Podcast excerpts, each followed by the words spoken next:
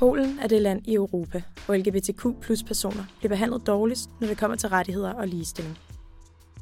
Homofobi, uvidenhed, fordomme og hate crimes er en del af livet for mange af de polske queer-personer. Derfor tog radioholdet fra Grundvis Højskole på studietur til hovedstaden Warszawa i efteråret 2022 for at interviewe forskellige mennesker med relation til LGBTQ plus miljøet.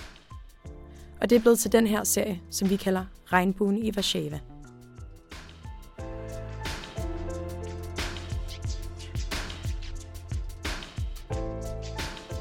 Det her er tredje afsnit, og her kan du møde Shimon Nimitz, der grundlagde den polske Equality Parade, Central- og Østeuropas største årlige gay pride-parade.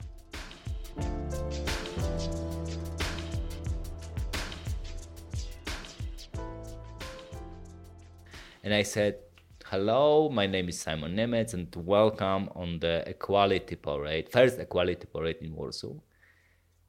Immediately, the people start coming from, you know, from the sidewalks, from the uh, from the street, from the. There was one, 300 people standing with me, and we start the first parade. Simon Niemiec er 45 år og arbejder på en fin psykologklinik i det centrale Warszawa. Simons karriereliv har dog ikke været som de fleste andres. I løbet af sit 45 år korte liv har Simon blandt andet noget at arbejde som journalist, som skuespiller og som arkivar i pornobranchen. Vigtigst af alt har Simon også været en af Polens mest fremtrædende LGBTQ plus aktivister, og i 2001 grundlagde han Equality Parade, Østeuropas første og senere hans største parade for LGBTQ plus minoriteter. Denne episode kommer til at handle om skabelsen af denne parade, for det var ikke uden bump på vejen i det konservative katolske Polen. Shimon er biseksuel, men hvor tager en person uden for det almindelige heteroseksuelle samfund hen i det religiøse Polen? Homoseksualitet blev gjort lovligt for første gang i 1932. Alligevel var menneskesynet på LGBTQ plus personerne i 90'erne stadig præget af den magtfulde og stærkt modarbejdende katolske kirke. De færreste i Polen var af samme grund sprunget ud, og miljøet foregik i små, dybt hemmelige, koncentrerede klubhuse. Livet for LGBTQ plus personerne i Warszawa var umenneskeligt. Alligevel formåede klubberne at skabe et sammenhold, der var afgørende for både personerne og det spirende miljøs overlevelse.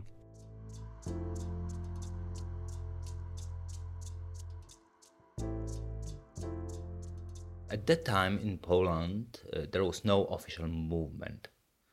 Uh, everyone was uh, was you know living in the closet, and we was living in the clubs.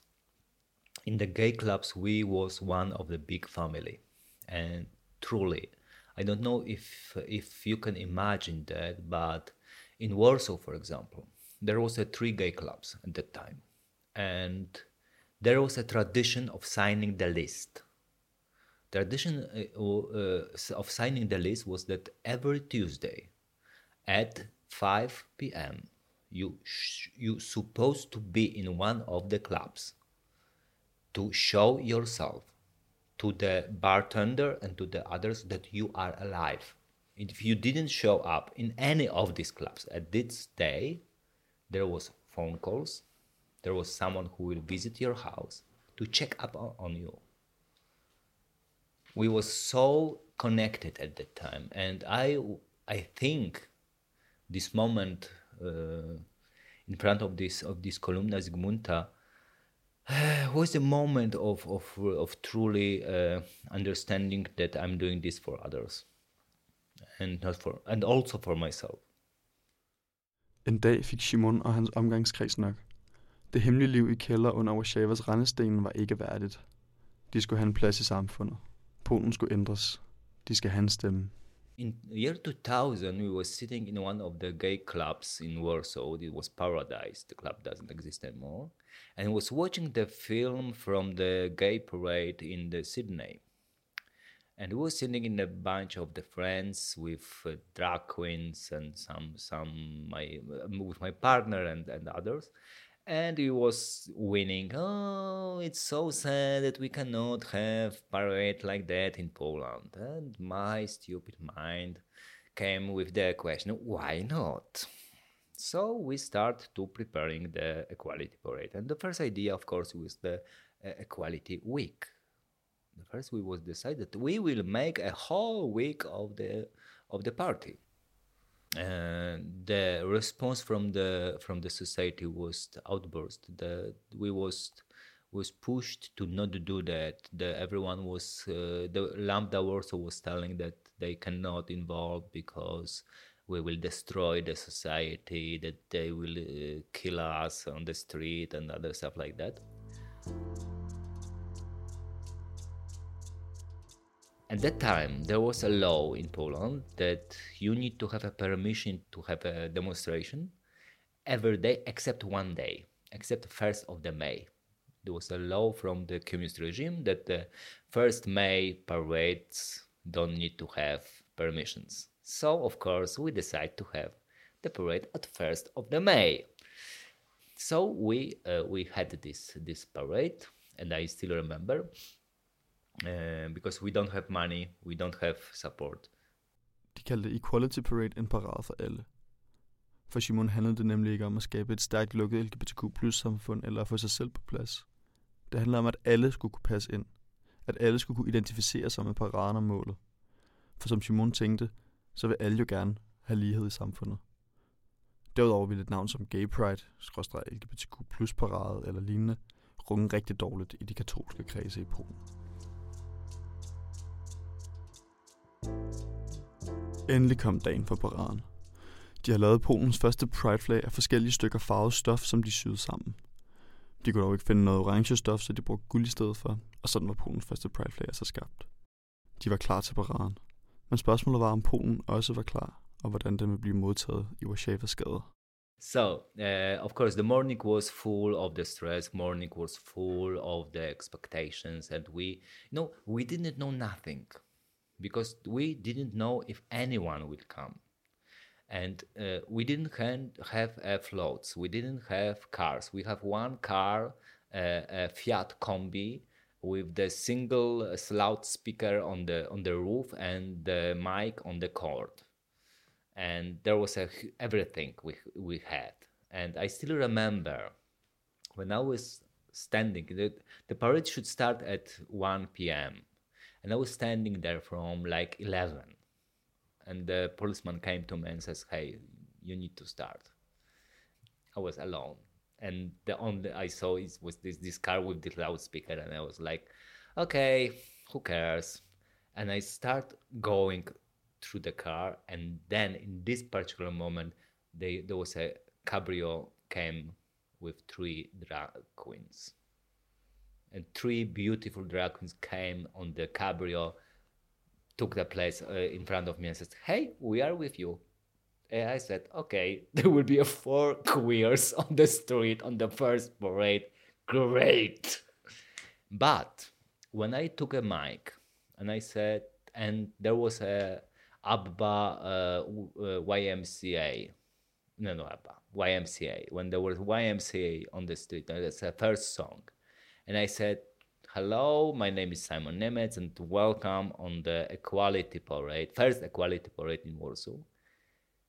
Immediately the people start coming from you know from the sidewalks from the uh, from the street from the there was one 300 people standing with me and we start the first parade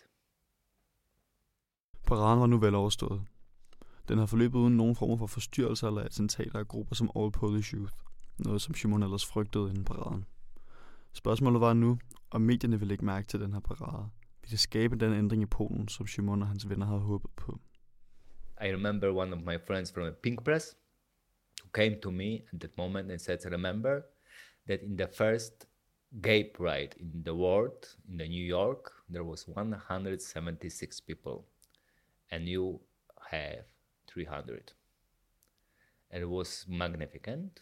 And of course, after this first parade, we came back to home and was expecting, no, what happens? What happens? What will be in the media? So next day, I bought every newspaper uh, what was in, in the in the kiosk, and there was one sentence in one newspaper. This day there was a first May parades in the Warsaw, and also gays will, who homosexuals has this his own parade. There was, there was all. There was no pictures, no no news, no no reports. 300 deltagende til paraden i 2001 overskred altså alle Shimons forventninger, men det fyldte meget lidt i det polske samfund. For Shimon var det dog ikke uden konsekvenser. Han har efterfølgende oplevet flere skudforsøg og knivstikkerier af de mest højreorienterede neonazistiske grupper i Polen. Dette har dog aldrig slået Shimon ud, og han har fortsat med at udvikle paraden år for år. Rom blev som bekendt ikke bygget på en dag. You can uh, easily imagine let's create a picture from 300 or no even not 300 let's start with three men standing in front of the uh, Kolumna columna zygmunta to over 100,000 participants in last year in the center of Warsaw. From uh, Lech Kaczynski, who was banning the parade in 2004 and saying that there is no way for gay people uh, to be on the streets, to a uh, city mayor uh, who is opening the equality parade and welcoming people from all over the world uh, on this day in the. Simon Jemec har kæmpet for LGBTQ plus rettigheder i Polen, Østeuropa og verden gennem de sidste 20 år. Han er blevet stukket ned, han er blevet skudt, og han har set sin karrierevej krakelere adskillige gange grundet sin seksualitet. Alligevel bliver Simon Jemec ved med at kæmpe for LGBTQ plus rettighederne i Polen. Forholdene er også blevet bedre gennem de sidste 20 år, men der er stadig meget langt for, at verden bliver færre for LGBTQ plus personerne. Pride i Polen vil altså fortsætte, og hvis du spørger Simon, om han vil være deltagende, så vil svaret altid være kort og simpelt. I am and I will be until my death. Because this is my child and no one can throw me away from that. Du har lyttet til tredje afsnit i serien Regnbuen i Varsava. Podcasten var lavet af Anton Nielsen og Anton Lisitsen Bistrup, der gik på radioholdet på Grundvis Højskole i efteråret 2022. Tak til Shimon Nimitz. Musikken var fra Upright Music.